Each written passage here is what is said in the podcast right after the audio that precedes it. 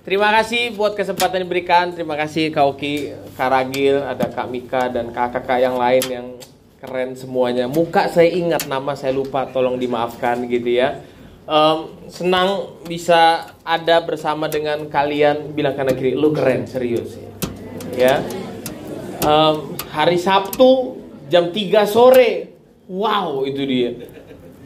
Itu kan jamnya kalian harusnya bisa melakukan banyak hal persiapan hangout dan yang lain semuanya. Tapi masih bisa kumpul kayak begini itu luar biasa banget itu dia. Saya tuh mempercayai kalau hari Sabtu masih ada ibadah youth dan um, apalagi jam-jam kayak begini itu luar biasa. Kalian pasti anak baik itu dia. Amin, amin. ya kalau bukan anak baik nggak punya temen atau gimana lagi gitu ya. Tapi anak baik lah pasti gitu ya. Oke nah kita belajar firman Tuhan amin? Ya, kita belajar ya. Um, saya dikasih satu ayat yang keren banget itu dia um, Yohanes 14 ayat 12 Yohanes 14 ayat 12 oh ya uh, perkenalkan saya lupa saya bukan orang terkenal gitu ya jadi mesti kenalan nama saya Wahyu Immanuel dan cukup lah udah gitu aja ya Wahyu Immanuel oke okay. Yohanes 14 ayat 12 um, aku berkata kepadamu. Yang ngomong ini siapa? Yang ngomong Yesus. Betul ya? Kalau teman-teman lihat di Alkitab itu ada ada warna merah, berarti yang ngomong Yesus. Nah, kita berkata sesungguhnya barang siapa percaya kepadaku, percaya kepada siapa? Percaya kepada Yesus. Coba yang percaya angkat tangan. Oke. Siap? Berarti ini ini buat kita semuanya. Kalau tadi semua angkat tangan, saya percaya Kak. Berarti kamu nggak boleh menolak yang satu ini. Karena ini berarti kamu, gitu ya. Sama saya bilang saya. Oke, maka kita bilang yang percaya kepada Tuhan, sorry, bukan ke gereja, bukan kebaktian, bukan uh, menjadi Kristen, bukan lalu minggu Anda punya kewajiban datang, tapi ada yang lebih dari sekedar itu yang Tuhan kasih buat kita. Amin. Ya. Karena kita bilang jangan remehin hidup kamu. Oke. Okay? Maka hari ini kita mau coba belajar untuk um, apa pun yang setan mau coba ngomong sama kamu tentang hidup kamu, hari ini jangan lagi percaya. Amin. Gak ada yang amin nih. Amin. Ya. Apa pun yang setan mau coba ngomong sama kamu tentang hidup kamu, hari ini kamu nggak boleh percaya lagi. Yang bilang kamu jelek, kamu nggak bisa, kamu nggak kayak yang lain, kamu stop percaya sama setan. Ya, bilang kiri, jangan dengerin setan. Ya. Stop percaya itu semua dan kita harus mulai lihat apa yang firman Tuhan kasih tahu buat kita, ya. Ah, kita bilang yang percaya kepada Tuhan dia akan melakukan sesuatu, melakukan pekerjaan-pekerjaan yang apa? Yang Tuhan lakukan. Bahkan lebih kerennya adalah pekerjaan yang lebih besar daripada itu. Setuju, teman-teman semuanya? Ya, kamu akan melakukan banyak pekerjaan, bukan cuma yang pernah Yesus lakukan, tapi yang lebih besar daripada semua yang Yesus pernah lakukan. Colek kanan kiri, lu tuh lebih keren dari Yesus. Kayak kurang amin ya. Ya. Dari ayat ini kan berarti seharusnya Coba coba. Dari ayat ini kan berarti seharusnya kita sama Yesus lebih keren siapa? Lebih keren kita lah. Kok kayak tersesat semua kita ya? Dari ayat ini harusnya bahkan kamu sama Yesus lebih hebat kamu. Karena kamu akan melakukan yang lebih besar daripada yang Yesus pernah lakukan. Tuh kan, kita kebiasaan dengerin kata setan. Ah, lu tuh bukan siapa-siapa. Ah, lu tuh bukan apa-apa lah. Lu tuh enggak lah. Lihat, lihat, lihat, lihat ngaca, coba ngaca. Kita lebih gampang suka dengerin setan. Sampai-sampai kita nggak bisa lagi percaya sama yang Alkitab bilang sama kita. Bahwa kita bilang seharusnya kalau kamu percaya sama Yesus, kamu bukan cuma akan ngelakuin yang lebih besar, ya bukan cuma ngelakuin yang Yesus pernah lakuin, tapi kamu akan ngelakuin yang lebih besar daripada yang pernah Yesus lakuin dunia ini. Itu yang kita bilang. Ya terserah, nggak mau percaya nggak apa-apa. Tapi ini yang kita bilang. Oke? Okay? Nah, sekarang kan pertanyaannya begini. Anak muda, yuk sekarang belajar begini. bukan apa yang harus kita lakukan dan bisa kita lakukan, tapi kan alasannya. Kenapa? Betul? Alasannya jelas. Sebab aku pergi kepada Bapa. Nah, ini jadi penting yang harus kita tahu. Bahwa kenapa kamu dipilih, bahwa kenapa kamu dipakai, bahwa kenapa Tuhan percaya sama kamu. Sorry, bukan karena kamu hebat, bukan karena kamu ganteng. Bukan karena kamu punya koneksi, skill dan yang lain. Karena kita bilang jangan GR dulu. Jadi jangan ada yang ngerasa hebat di tempat ini. Ya, kalau kamu dipakai apa dan yang lain nggak jangan GR itu bukan karena kita, tapi alasan utamanya adalah karena Yesus udah pergi kepada Bapa. Berarti di dunia ini nggak ada Yesus lagi kan? Betul nggak? Yesus sudah pergi kepada Bapa. Nah makanya Yesus bilang begini karena buat Tuhan dia lagi mau bilang, aku pergi sama Bapa. Berarti sekarang di dunia ini yang jadi gantinya aku kamu. Amin. Kurang amin kita. Pak Oki doang masuk surga Pak Oki gitu ya. Kamu makanya kamu nggak boleh cuma sekedar Kristen. Kamu nggak boleh cuma sekedar punya agama, kamu nggak boleh cuma sekedar ya pelayan-pelayan. Saya ini ke gereja deh. Hei, hei, kamu punya sesuatu yang sudah taruh dalam hidup kamu lebih besar daripada apa yang kamu pikirkan. Kamu sekarang gantinya Yesus di dunia ini. Kamu sekarang gantinya Tuhan di dunia ini. Karena Yesus sudah naik ke sorga, maka Yesus bilang gini, sekarang bumi ini bagiannya kamu. Tanggung jawabnya kamu, tugasnya kamu. Makanya kalau bicara revival, bicara movement, itu bukan bicara kamu nangis-nangis jatuh-jatuh. Enggak ada urusannya dengan itu. Kalau kita bicara, oh revival, hari ini terjadi kebangunan. Apa tandanya? Saya jatuh, terus saya bangun. Saya didoain altar call. Aduh. Ya, nggak diundang lagi juga nggak apa-apa gitu ya. Tapi please you anak muda, mulai belajar untuk cari tahu apa yang kita bilang, bukan apa yang menjadi tren. Setuju? Karena kebenaran nggak boleh jadi tren. Sekarang banyak orang-orang ngikutinya tren. Seakan-akan seolah-olah. Dan ini banyak sekali akhirnya menyesatkan banyak pelayanan anak muda. Kalau kita bicara kebangunan berarti banyak. Rame. Kemudian suasananya wah ada terjadi tanda kutip katanya lawatan. Dan coba-coba ketua-ketua youth angkat tangan coba. Youth leader, ketua youth. Oke. Sekarang begini. Gak tahu ya, saya nggak tahu. Tapi saya banyak keliling dan saya banyak menemukan ketua-ketua itu frustasi. Frustasi. Stres. Bukan karena tentang masalah pelayanannya, bukan. Tapi karena beban yang dituntut kepada mereka. Seakan-akan mesti banyak. Ada target jumlah jiwa. Yang nanti, nanti akhirnya membuat kebaktian jadi... Ya kita nggak pungkiri kalau pengen bikin rame sekarang memang sulit. Apalagi bicara anak muda pengen bikin rame tanpa modal besar agak sulit. Setuju nggak? Sulit. Apa kau cuman gembala sidang cuma bilang, kamu berdoa, kamu puasa, percaya. Tapi nggak ada duitnya. Ya. Susah gitu loh. Susah, lalu kita dibebankan. Harus rame dong. Mana jiwa barunya? Mana youthnya? Cuma 10 orang, 12 orang. Hi, kayak domba murid Yesus aja begitu kan. Lalu kita kita jadi ada seolah-olah, oh kalau saya nggak rame, berarti nggak ada revival di situ. Kalau saya nggak rame, berarti nggak ada movement di situ. Sorry, itu adalah kebohongan iblis paling jahat, paling keji yang berhasil diterima oleh gereja. Maaf nih, Betapa jahat orang-orang yang mulai menaruh tuntutan. Sebuah kegerakan, movement, revival berarti harus rame, harus banyak. Itu keji sekali dalam nama Yesus. Karena nggak ada urusannya dengan itu. Karena kalau kita mau bicara tentang sebuah kegerakan, bukan sesuatu yang terjadi di sebuah lokasi di mana orang berkumpul di situ, bukan. Tapi apa yang terjadi di hidup kamu? Kamu kumpul ribuan orang, kemudian kau pulang gak bikin apa-apa. Apa yang bergerak? Tapi satu orang memutuskan mengubah hidupnya, kemudian dia pulang, dia berubah jadi garam, jadi terang, melakukan hal sederhana. Sederhana. Yuk, yuk. Saya berusaha untuk sama-sama. Ini juga buat saya.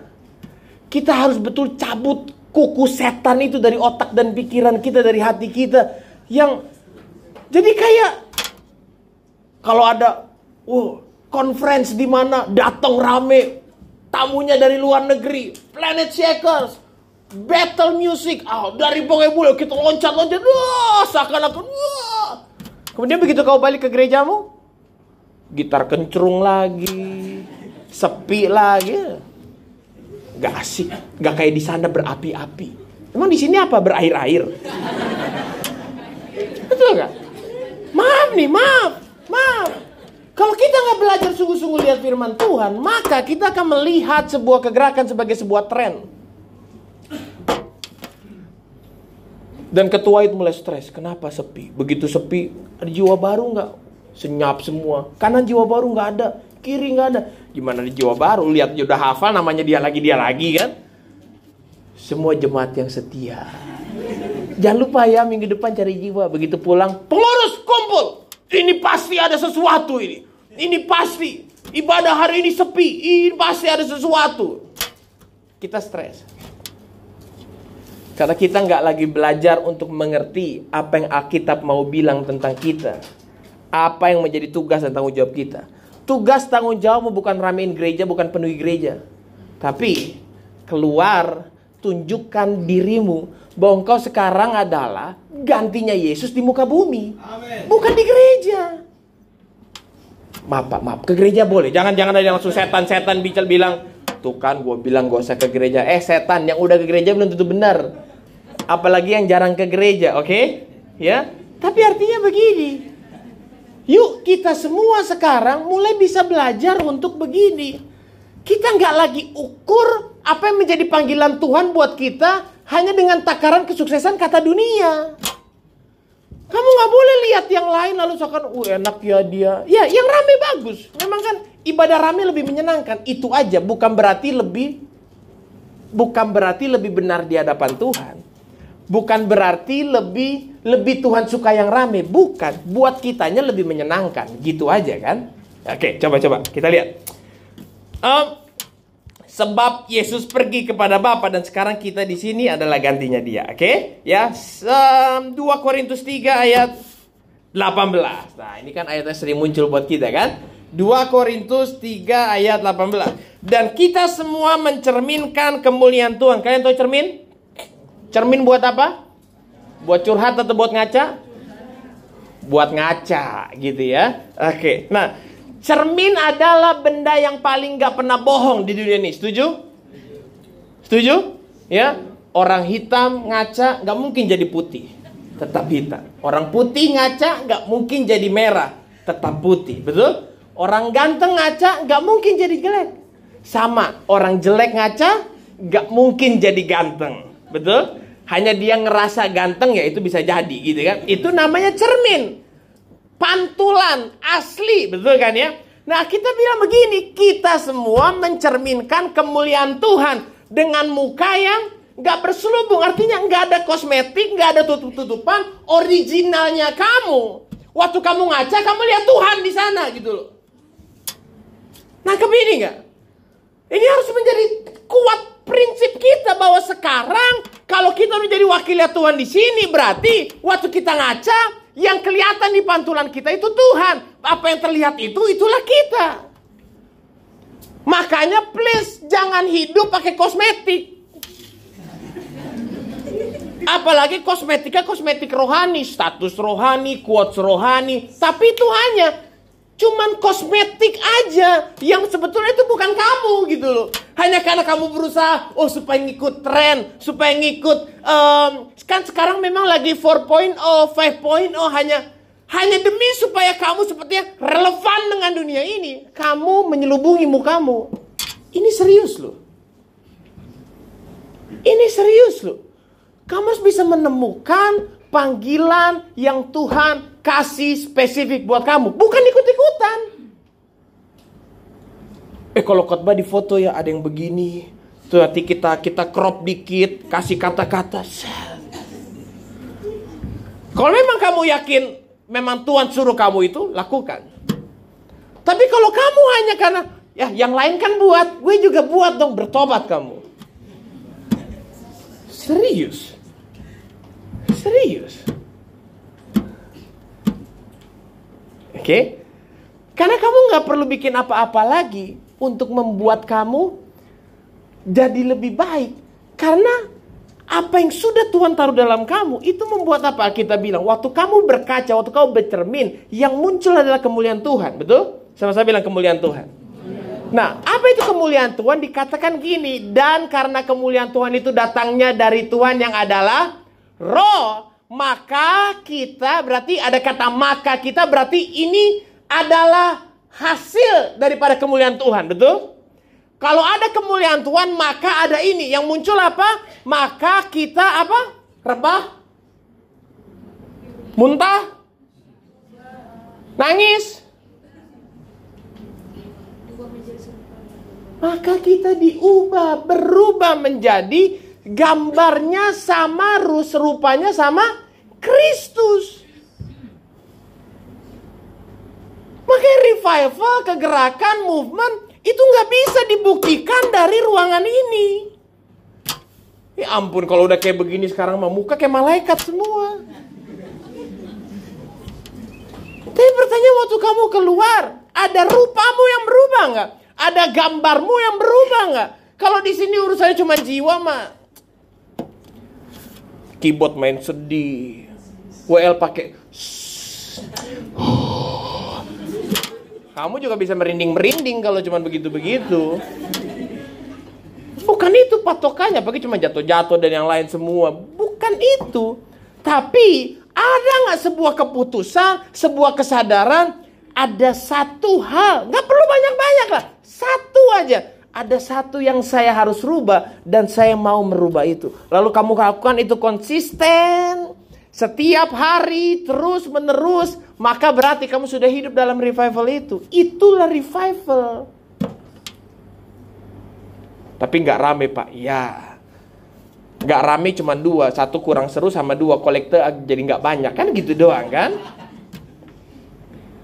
Makanya gini, dalam kemuliaan yang semakin besar, berarti kemuliaannya makin besar adalah kamu makin diubah serupa dengan Kristus. Nah, Yuk, teman-teman, kita kita sama-sama bangun kerangka berpikir ini. Yang namanya kemuliaan berarti adalah perubahan kehidupan kita, perubahan rupa kita, betul? Amin. Ya. Makanya manifestasi dari kemuliaan Tuhan adalah perubahan hidup. Bukan apa yang terjadi di panggung ini. Tidak, tidak ada hubungannya dengan itu kemuliaan Tuhan turun. Lalu drum pukul simbal kencang-kencang. Itu bukan kemuliaan, itu rame. Atau tenang, senyap. Lalu dalam ketenangan itu mulai terdengar ujung sana nangis, ujung sini ikut nangis, latah aja gitu. Itu bukan kemuliaan, itu sepi. Gitu aja. Tapi kemuliaan adalah ada nggak perubahan yang muncul dalam kita? sebuah komitmen dan keputusan untuk kita mau makin serupa dengan gambar Kristus.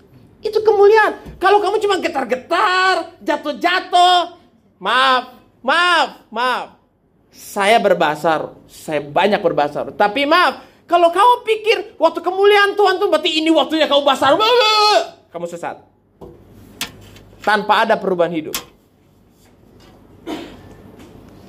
Semua pelayan kan?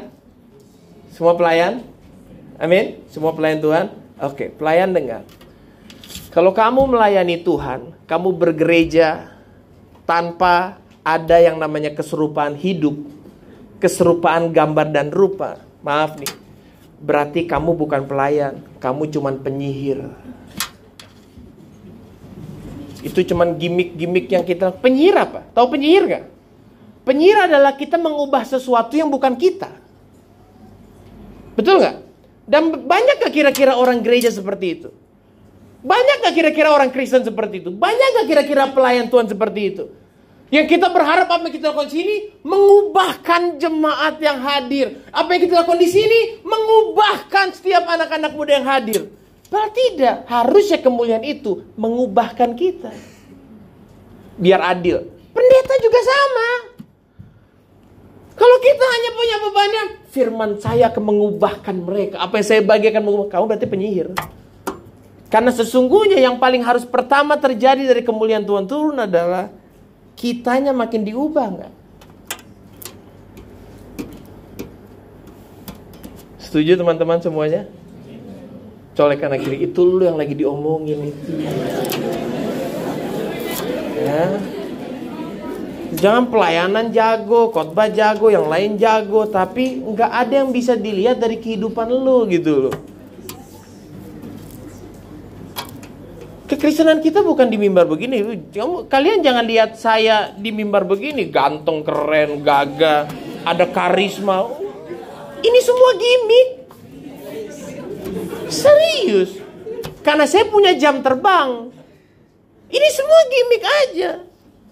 Percayalah, saya pun bisa kadang-kadang sadar nggak sadar apakah Roh Kudus ada atau enggak, apakah ini karena memang saya sudah terbiasa atau karena ini memang ada Roh Kudus, nggak ada yang tahu kan? Betul nggak? Lah, coba Mika main keyboard. Maaf, maaf, hanya hanya contoh, hanya contoh, hanya contoh. Kamu kamu lagi marah-marah disuruh main keyboard, tetap bisa nggak? Tetap bisa nggak? Kamu kamu kamu tahu lah abis abis abis bikin dosa jangan bikin dosa terlalu bagaimana lah tapi nggak apa-apa abis bikin dosa bisa tetap main keyboard gak? Nah, kamu tahu Roh Kudus ada di situ tapi kamu tetap bisa main sih sama kayak pendeta panggung ini nggak membuktikan apa pun makanya kan sangat bahaya kalau kalau akhirnya kita pikir apa yang kita lakukan masih ada roh kudus dalamnya, padahal ternyata enggak. Tapi semua itu terjadi hanya karena gimmick-gimmick yang kita lakukan. Mau lihat saya di mana? Waktu saya di luar, di jalan, duduk makan, ketemu orang, ketemu masalah, di rumah. Itu bagaimana kita baru. Makanya saya belajar untuk ke mana-mana nggak mau sendirian. Pelayanan apa, saya selalu pengen ada orang yang ikut bersama dengan saya. Supaya apa? Supaya saya bisa tetap jaga hidup sama di mimbar dan waktu di luar mimbar. Waktu lagi di atas panggung seperti ini dan waktu lagi di dalam mobil, waktu lagi ketemu orang yang nyebelin dan masih bisa sama nggak? Saya kalau pergi sendirian, aduh saya ngomong apa aja kalian semua bisa percaya. Tapi kan kalau saya bawa orang-orang yang tahu hidup saya, bahkan mereka tinggal bersama saya di rumah saya, saya bohong mereka tahu. Betul nggak? Di dalam ada anak-anak saya. Ini ada anak rohani saya dua, ada Reni, ada ada Sasa itu dia. Yang Reni udah mau menikah, yang Sasa ya silahkan aja gitu ya kalau mau kenalan atau apa. Tapi mereka yang tahu. Kalau kalian pengen tahu hidup saya benar atau enggak, lihatnya mereka. Kalau saya khotbah lalu mereka cuma Berarti ketahuan beda, betul? Tapi tadi di mobil kita janjian, lu cemberut-cemberut pulang. Tapi bisa bisa bisa bisa nangkep ini ya teman-teman? Bisa nangkep ini ya? Sebuah sisi lain dari dari movement yang kita harus ada di dalamnya. Bahwa tanggung jawab kita bukan meramaikan sebuah tempat, tapi tanggung jawab kita adalah waktu kita keluar Waktu kita menyebar, waktu secara personal kamu ada di tempat itu, tempat itu jadi basah nggak karena ada kamu. Tempat itu jadi damai nggak karena ada kamu. Tempat itu jadi ada sejahtera nggak karena ada kamu. Tempat itu jadi jadi ada perubahan nggak karena ada kamu. Itu sebuah kegerakan. Bukan berkumpulnya kita di satu tempat. Karena kita bukan lagi berusaha menyihir. Mengubahkan sesuatu-sesuatu. Oke, coba coba. Let's see. Yohanes 1 ayat 1. Yohanes 1 ayat 1. Gak apa-apa belajar ya teman-teman semuanya ya. Ya, belajar ya. Saya pun belajar kok. Firman yang telah menjadi manusia. Pada mulanya adalah firman. Firman itu bersama-sama dengan Allah. Dan firman itu adalah Allah. Ini kan saya yakin pelajaran kom dan yang lain. Firman itu akhirnya menjadi Yesus, Yesus adalah firman, firman itu adalah Allah, Allah itu adalah firman. Betul? Ya. Tuhan jadi firman di dunia ini. Sekarang begini. 1 Yohanes 1 ayat 1. 1 Yohanes 1 ayat 1. permainan angka aja. Yohanes 1 ayat 1 sekarang 1 Yohanes 1 ayat 1 tapi ada kecocokan di sana. Apa yang sejak semula apa yang telah ada sejak semula yang semulanya itu apa? Firman tadi. Yohanes 1 ayat 1 tadi berkata pada mulanya. Nah, 1 Yohanes 1 berkata apa yang telah ada sejak semula. Firman itu yang adalah Allah, Allah adalah firman. Ternyata firman itu kami dengar, kami lihat, kami saksikan. Apa bedanya menyaksikan dan melihat? Menyaksikan adalah kamu membuktikan. Kalau melihat, semua orang lihat. Menyaksikan adalah kamu membuktikan langsung dengan matamu. Oke? Okay? Bukan dari kata orang, bukan dari cerita, tapi kamu saksikan langsung. Kemudian apa? Telah kami raba dengan tangan kami, berarti dia ada, nyata, betul? Telah kami dengar, kami lihat, kami saksikan, kami raba dengan tangan kami tentang firman yang hidup. Siapa itu? Yesus kan? Waktu itu Yohanes lagi menceritakan, Yesus itu kami lihat, kami dengar, kami saksikan, kami pegang nyata. Dan sekarang Yohanes berkata, itulah yang kami tuliskan dan kami teruskan kepada kepada kamu. Berarti dari kata sekarang kami yang meneruskan itu sama kamu, berarti yang sekarang dilihat orang siapa? Kita. Bahwa sekarang yang didengar orang siapa? Kita. Yang disaksikan kita, yang diraba kita. Artinya begini.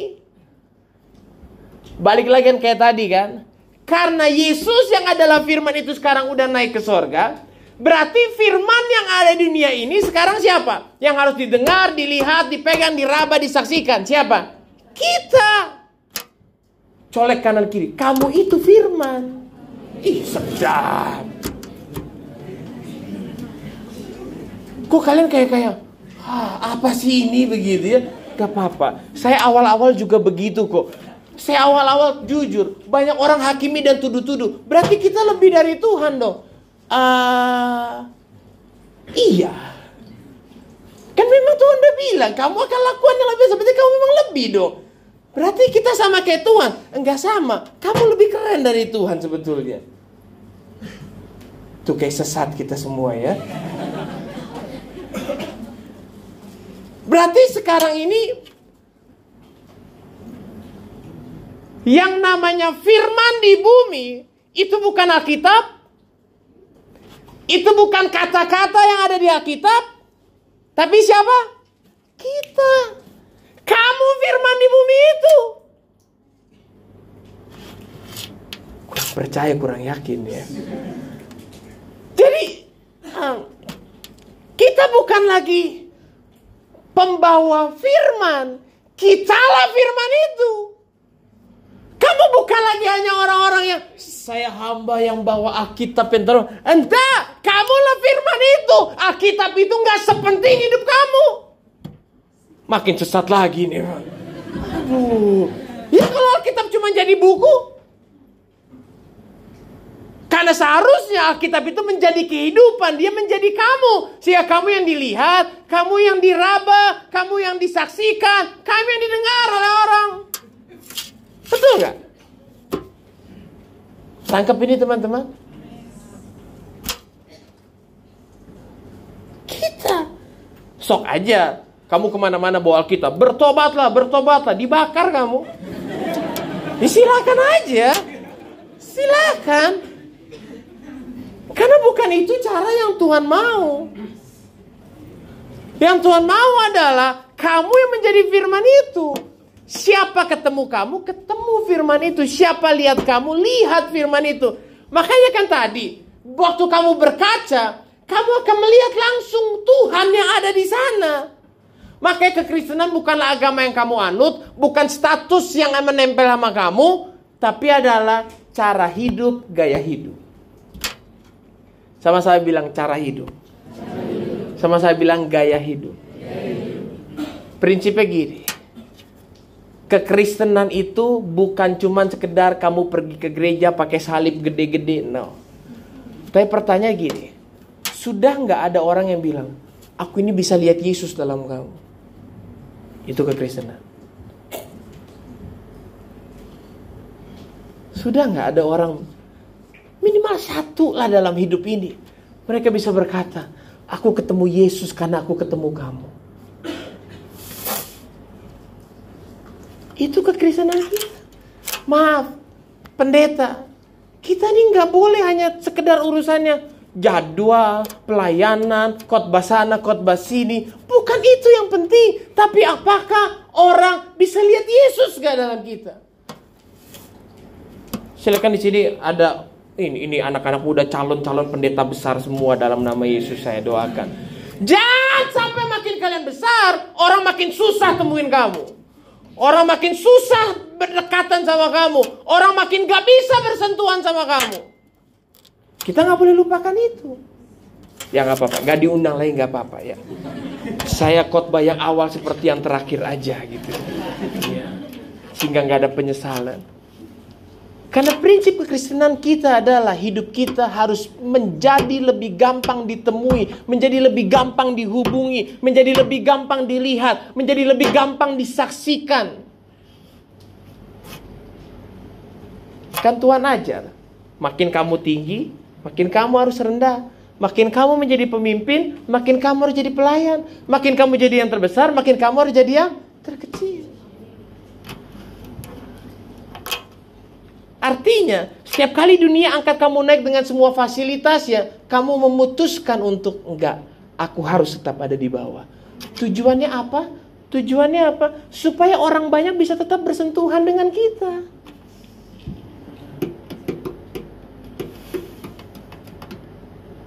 Harus ada orang-orang yang bisa bilang, aku ini kalau dekat kamu, kok tenang ya? Aku ini kalau dekat kamu, kok happy ya. Tapi bukan yang gombal-gombal penjahat gitu ya, tapi tapi yang maksudnya orang bisa rasa Kristus lewat kita.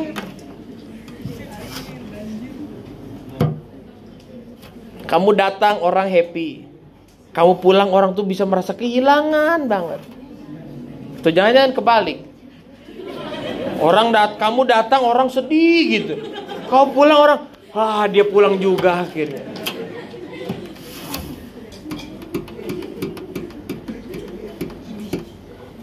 Yuk, makanya saya percaya gini, kehidupan kekristenan nggak kaku-kaku kok. Kita tetap bisa jadi asik di mana-mana. Pastikan hidupmu terlihat makanya. Amin. Ketemu orang coba sapa. Sapa duluan. Apa kabar? Baik-baik gak hari ini? Kasih senyuman. Jangan semua Hmm.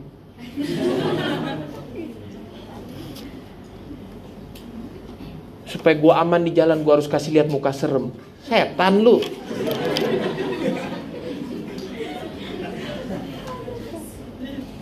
Enggak gitu kan? Bisa-bisa nangkep gak teman-teman? Bisa nangkep gak? Dan kamu nggak perlu berusaha untuk menjadi sorohani atau yang apa. Karena memang itu sudah ditaruh di dalam kamu. Sudah menjadi tanggung jawab kamu. Kamu akan melakukan. Oke, sekarang dari konsep ini. Bisa ikuti teman-teman semuanya? Bisa ikuti? Bisa? Oke ya. Nanti kalau masih ada waktu kita tanya jawab lah. Oke. Berarti kan sekarang adalah begini. Yuk persiapkan dirimu untuk alasan itu. Tadi kan kita lagi cari tahu alasannya apa kan? Kenapa Tuhan pakai saya? Kenapa Tuhan pilih saya? Maka sekarang nggak ada lagi orang bisa berkata, aku dipilih nggak ya? Aku dipakai nggak ya? Eh budak, udah Alkitab tulis.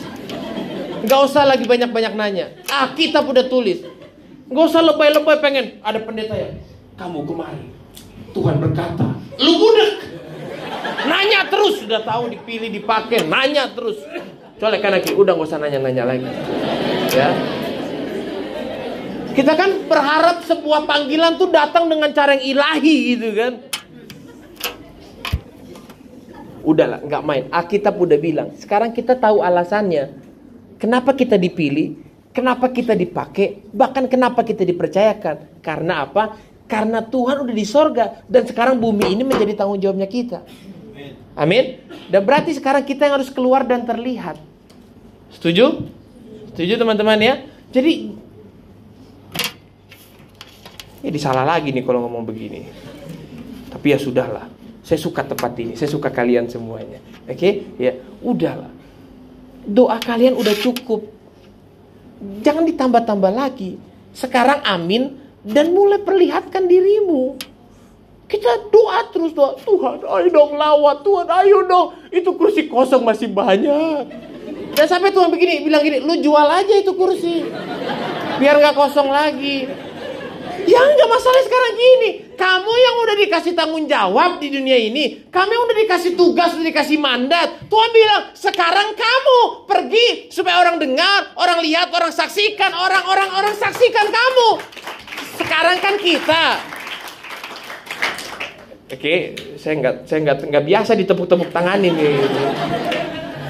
Sekarang kan kamu, lalu kita apa yang kita lakukan sekarang adalah kita berlutut dan berdoa. Tuhan, ayo dong Tuhan. Tuhan bilang, perasaan lu yang gue suruh, kalau nyuruh gue lagi gitu loh. Bisa, bisa nangkep gak? Bisa nangkep gak teman-teman? Nah, kita merasain menjadi tanggung jawabnya, tanggung jawabnya Tuhan. Ingat, tanggung jawabnya adalah dirimu yang harus terlihat. Oke, jadi jangan tutup diri. Ya, jangan tutup diri. Nah, berarti sekarang kita kita persiapkan diri kita. Alasannya semua udah tahu? Semua udah yakin semua di sini dipilih? Dipakai, dipercayakan, nggak ada lagi yang bisa bilang lu masih punya dosa. Dah, dah, dah, dah, dah. dah. Kamu dipilih itu nggak akan pernah mengubah. Kita bilang kamu percaya, kamu dipilih. Kamu percaya, kamu dipakai. Kamu percaya, kamu dipercayakan. Tuhan gak, gak cari alasan-alasan yang lain. Hanya satu, percaya. Percaya sama Tuhan, jangan percaya sama setan. Setan bilang, lu udah gak perawan. Percaya sama Tuhan. Ini serius. Kau boleh ketawa-ketawa dan yang lain semua. Tapi ini serius. Setan boleh bilang, lu udah nakal. Lu udah parah. Percaya sama Tuhan. Sekarang persiapkan diri kita. Oke? Okay? Nah, persiapannya apa? Amsal 29 ayat 17. Amsal 29 ayat 17. Didiklah anakmu. Inilah tugas gereja. Didiklah anakmu, maka dia akan memberikan ketentraman dan mendatangkan sukacita. Sukacita kita harus pada kesempatan mendidik. Bukan pada ngumpulin banyak. Kita karena yang datang sedikit lalu kita jadi nggak semangat jadi. Ah, cuma segini orang. Padahal harusnya sukacita dan ketentraman kamu ada ketika kamu melihat orang yang bisa kamu didik. Yuk pemimpin-pemimpin. Ketua-ketua yud. Kamu nggak gagal kalaupun anak-anakmu cuma sedikit. Izinkan saya lepaskan ini sama kalian. Kamu bukan berarti gagal. Kalau kamu gak punya ratusan ribuan kayak yang lain. Kau bukan berarti gak dipakai Tuhan. Kalau kamu gak bisa membuat sebuah sekarang lagi lata conference di mana-mana. Bukan tren yang harus kamu kejar.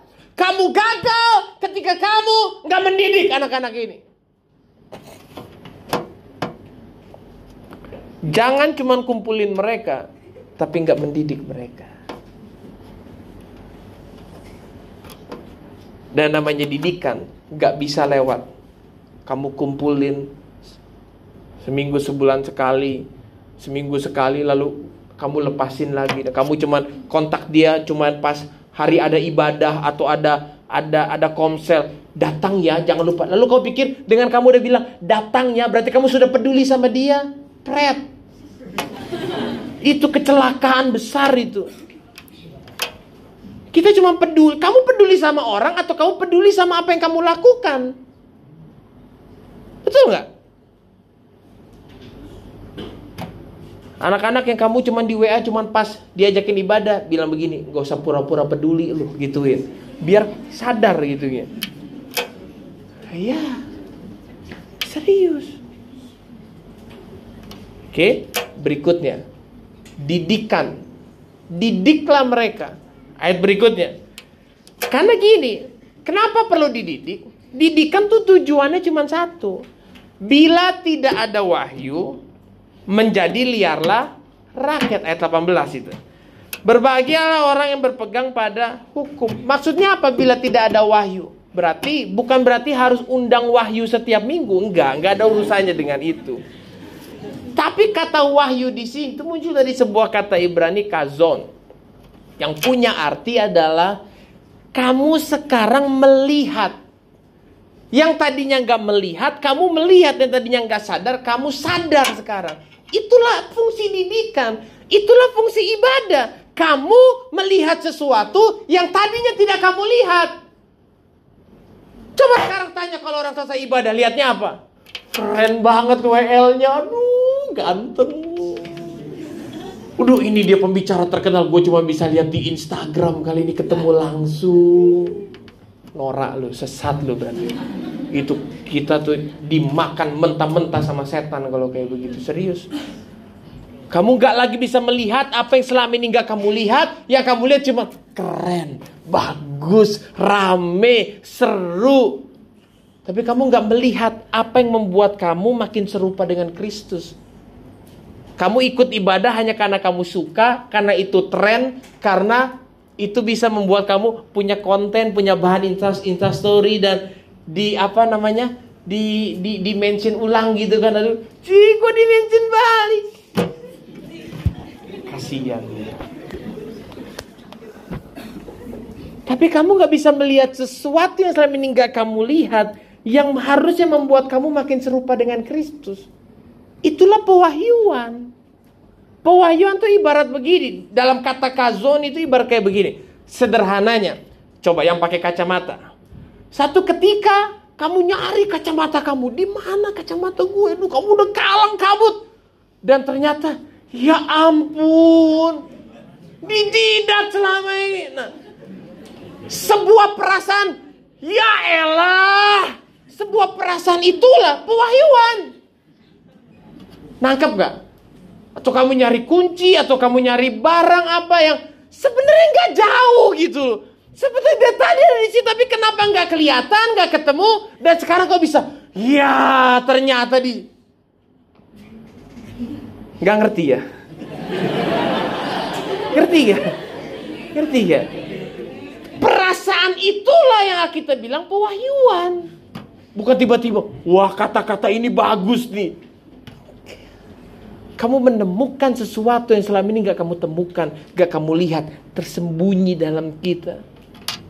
Itu pewahyuan. Yang dengan tujuannya apa?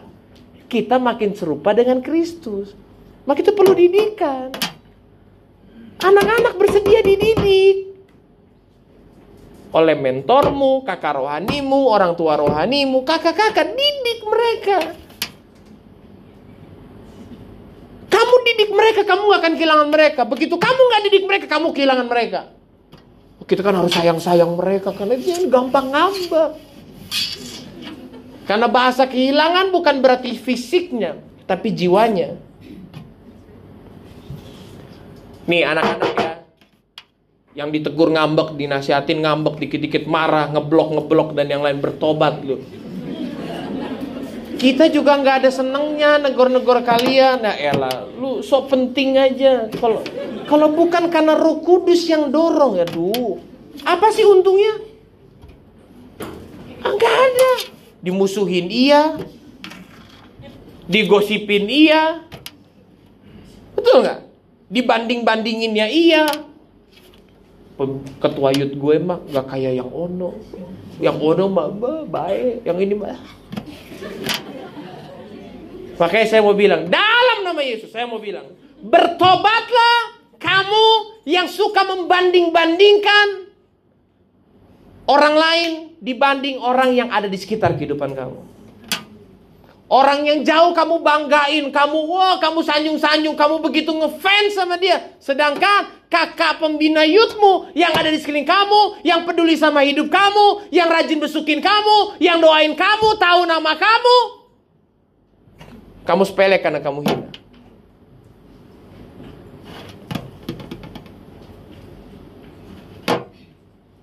Lalu kamu lebih senang dengan yang lain yang nama lu aja dia nggak tahu. Jangankan nama lu, lu siapa aja dia kagak tahu. Serius loh. Ini penyakit yang lagi terjadi, Pak. Harusnya kamu lebih menghargai orang-orang yang sudah mengambil resiko mau dibenci sama kamu, mau di nggak suka sama kamu hanya karena mereka harus bilang, lu nggak bisa begitu, lu nggak boleh begitu. Bukan ini yang harus yang harus lewati. Lu harus berpikir ulang untuk ambil keputusan itu.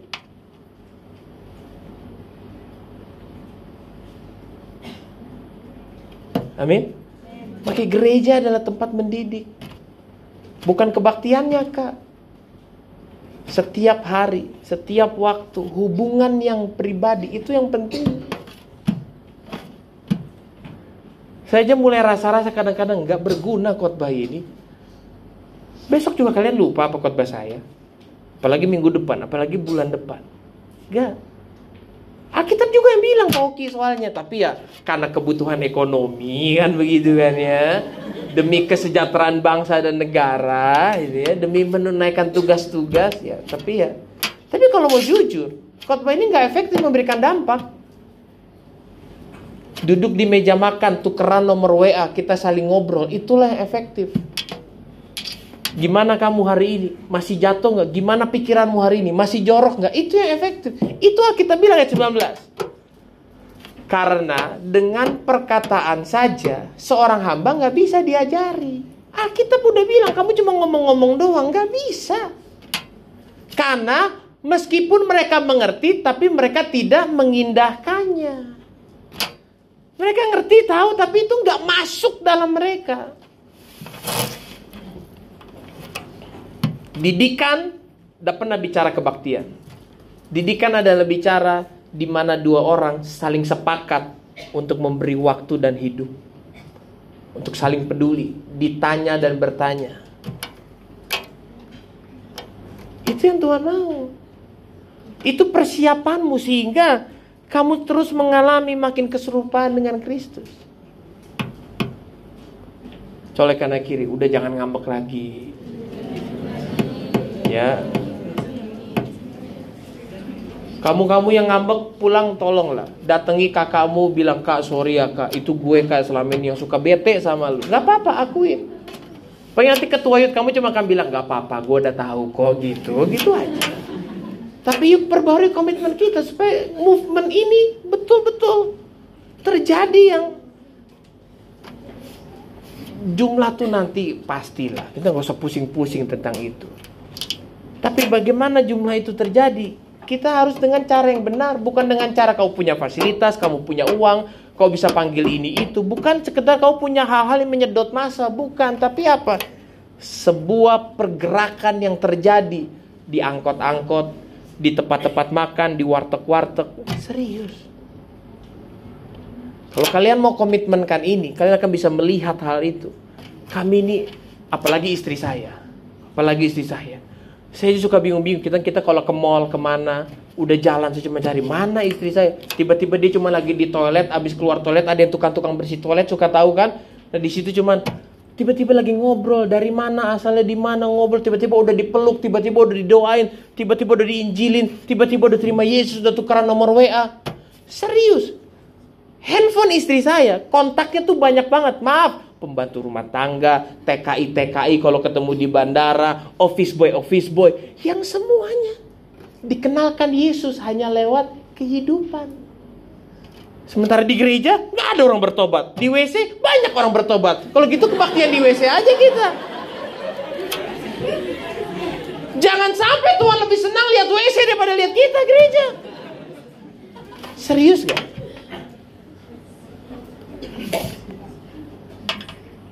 Jangan sampai kita berpikir inilah kekudusan yang sesungguhnya. Inilah keroh rohani yang sesungguhnya. Yang padahal Tuhan di surga bilang, "Ih, najis." Dan itu sering banget. Kalian akan mengalami itu karena apa? Sekarang kamu ganti Tuhan. Di luar tuh banyak orang butuh Tuhan, tapi cara sentuh mereka nggak pakai doa. Kamu keluar, sapa mereka, tanya mereka, senyum sama mereka. Tanya apa yang lagi jadi masalah mereka. Tanya apa yang lagi jadi kesedihan mereka. Jangan lihat orang lagi sedih. Tuh, kasihan. Tanya, kok kamu kelihatannya sedih deh. Kenapa sih? Lapar kan? Oke, kita berdoa ya dalam nama Yesus.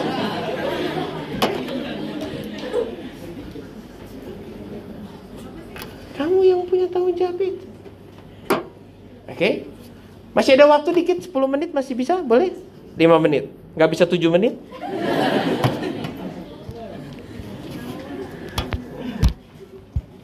Oke. Uh,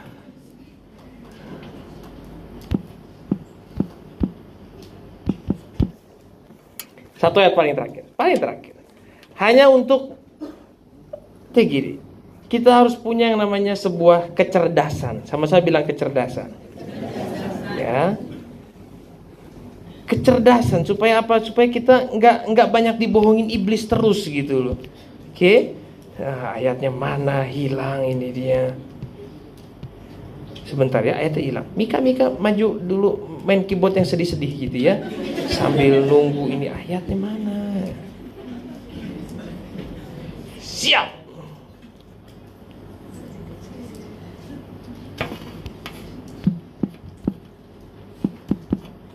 Semua bisa belajar sesuatu teman-teman? Bisa belajar sesuatu? Kolose 1 ayat 27. Bapak Ibu yang saya hormati, maaf ya kalau mulutnya agak loncer gitu ya. Karena emang kalau ngomong sama mereka kalau nggak digituin susah susah masuk gitu ya. Oke. Okay. Sedih banget gitu ya. Kolose 1 ayat 27. Makanya adanya didikan supaya kita bisa punya pewahyuan. Apa itu pewahyuan? Kita bisa melihat sesuatu yang selama ini nggak kelihatan. Oke, okay? maka itu kalau saya berkata kepada mereka, Allah mau memberitahukan betapa kaya dan mulia ada sebuah rahasia.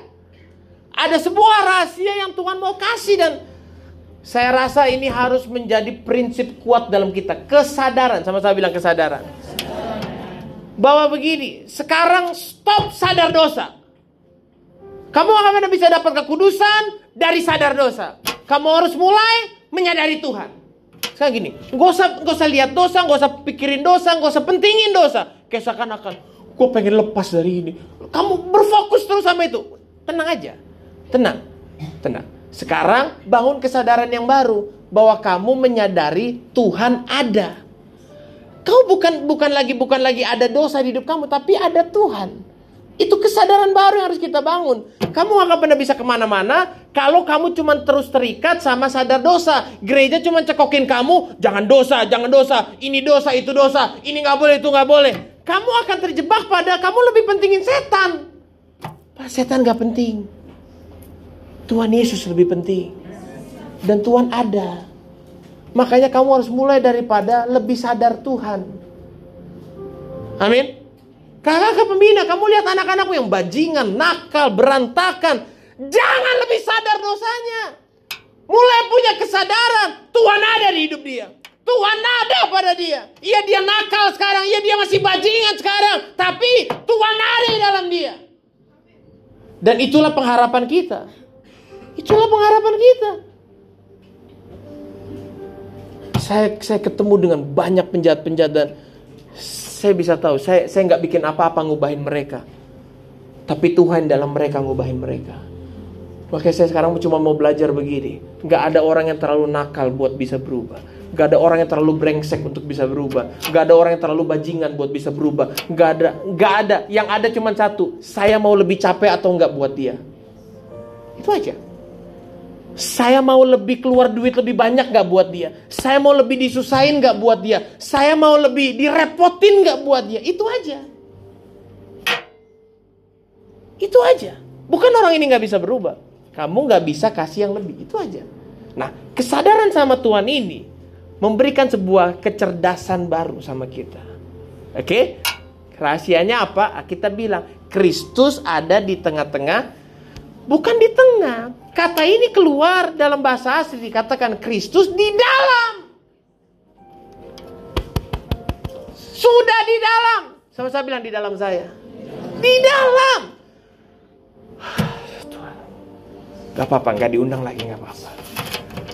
Dia sudah di dalam, hadir dan ada di dalam. That's me. Kamu gak perlu panggil-panggil dia untuk hadir. Dia sudah ada. Kecelakaan kekristenan kita nih. Kita pakai gimmick-gimmick. Tuhan hadirlah, hadir. Memang Tuhan datang naik dan turun, datang dan pergi. Dah, dia ada di dalam kamu. Dan dia nggak pernah pergi ke mana-mana. Dia stay, dia tinggal, dia di dalam kamu. Dia nggak gampang pergi dari dalam kamu. Makanya kita kadang-kadang berat nih, kering nih. Tuhan gak hadir. Berarti di kamu ada Tuhan dong.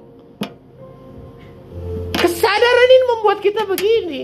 Kamu tahu ke mana pun kamu pergi, melangkah di mana pun Tuhan ada. Kamu gak perlu nyanyi tiga lagu lambat dulu untuk supaya ada Tuhan hadir. Enggak, Tuhan sudah ada. Syarat dari kehadiran Tuhan cuma satu. Ada kamu di situ, ada Tuhan hadir di situ. Syarat mutlak dari kehadiran Tuhan hanya satu. Ada kamu, ada Tuhan di situ. On.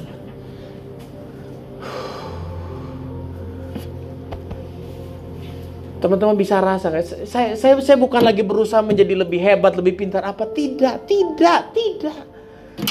Tapi sudah terlalu lama kita nih kayak setan udah terlalu berhasil, kurang ajar dia. Bikin kita akhirnya buang waktu, buat tenaga untuk hal yang kalau belum nyanyi lagu lambat, belum belum Tuhan hadir, kalau belum belum apa. No, Tuhan ada di dalam.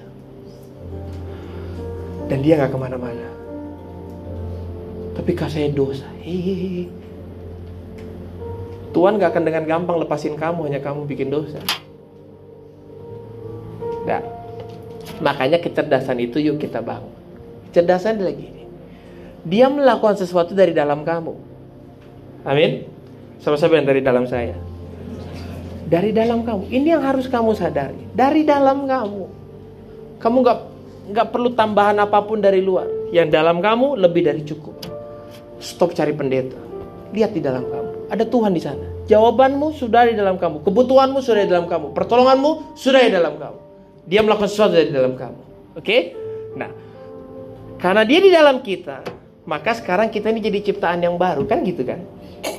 Kau bukan lagi manusia, kamu wakilnya Tuhan. Kamulah firman itu. Kamu udah jadi ciptaan baru. Sekarang kamu ngaca, bukan lagi wahyu di sana, tapi Yesus di sana. Oke? Okay? Sama-sama bilang, saya ciptaan baru. Bukan casingnya tapi seluruhnya kamu adalah ciptaan baru. Ya, kamu adalah milik Tuhan, ciptanya Tuhan. Jangan dengar iblis yang suka bilang kamu adalah orang lama yang cuman belajar pakai casingnya Yesus, enggak. Dia tuh di dalam, bukan di luar. Dia bukan case, dia ada di dalam kamu. Oke? Okay? Ya, maka itu kan berarti harusnya kita punya pemikiran begini sekarang. Oke, saya coba mau tanya begini. Ada yang tahu ikan nggak? Ikan, tahu? Yang punya sayap, punya paru. Ah, Oke, okay. berarti semua paham. Ikan tuh yang berenang di di air. Okay? ikan di air. Dia bernafas pakai yang namanya insang. Sekarang saya mau tanya begini. Kenapa ikan lebih mudah hidup di air daripada di darat? Kenapa ikan lebih cocok ada di air daripada di darat? Kenapa? Karena ada insang. Kenapa? Hah? Karena dia nggak punya paru-paru. Apa? Ada lagi yang lain? Karena apa? Oke, waktu udah mau selesai. Saya langsung jawab aja. Sederhana. Kenapa ikan lebih mudah hidup di air? Karena dia adalah ikan. Betul nggak? Kok kayak bingung teman-teman? Salahkah saya? Kalau kamu babi, eh, kalau kamu babi, kalau dia babi, dia akan susah hidup di air. Tapi kalau dia ikan, dia akan lebih mudah hidup di air. Betul nggak? Sepakat dulu nggak nih? Sederhana aja, karena itu kamu gitu loh, karena itu ikan, itu dia gitu kan? Oke, sekarang gini, yang di dalam hidup kamu Kristus. Kamu sudah diubahkan menjadi ciptaan yang baru.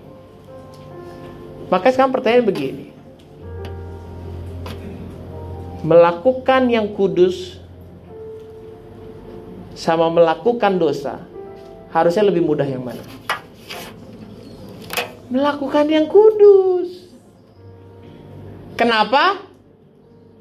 Ya karena itu kita. Saya sekarang manusianya Allah, manusia rohani. Saya bukan manusia daging lagi. Yang berarti semua perkara rohani itu lebih gampang buat saya, lebih mudah buat saya karena drive-nya udah ada Yesus yang dalam saya. Kalau saya dipaksa bikin yang dosa itu susah karena itu bukan saya. Kenapa sekarang isu kekudusan selalu menjadi sulit buat kita? Selalu menjadi berat buat kita selalu menjadi sebuah peperangan buat kita.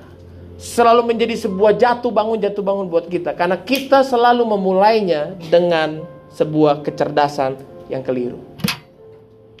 Kita berusaha menjadi kudus, kita berusaha berubah. Yang sebetulnya kita harus mulai dari kesadaran. Saya adalah pribadi yang sudah diubahkan. Terus bangun kesadaran dalam hidup kamu. Kamu akan terus berlatih berpikir, saya ini kalau disuruh benci orang susah. Tapi kalau saya disuruh memaafkan orang, itu lebih gampang daripada benci. Keren nggak? Saya nih kalau disuruh nonton khotbah, itu lebih gampang. Saya kok disuruh nonton bokep, susah. Susah nolak maksudnya. Susah berhenti. Ya, ya tapi kita harus bangun kecerdasan itu. Kakak-kakak, kalau kita sadarkan anak-anak ini terus, bahwa siapa mereka sesungguhnya. Ingatkan mereka terus itu, maka ketika mereka menghadapi keputusan-keputusan, mereka akan selalu bisa, mereka nggak akan lagi berkata hal yang rohani lebih sulit daripada hal yang duniawi. Bangun kesadaran itu, saudara. Amin. Karena apa? Kristusnya sudah ada di dalam kamu. Oke. Okay.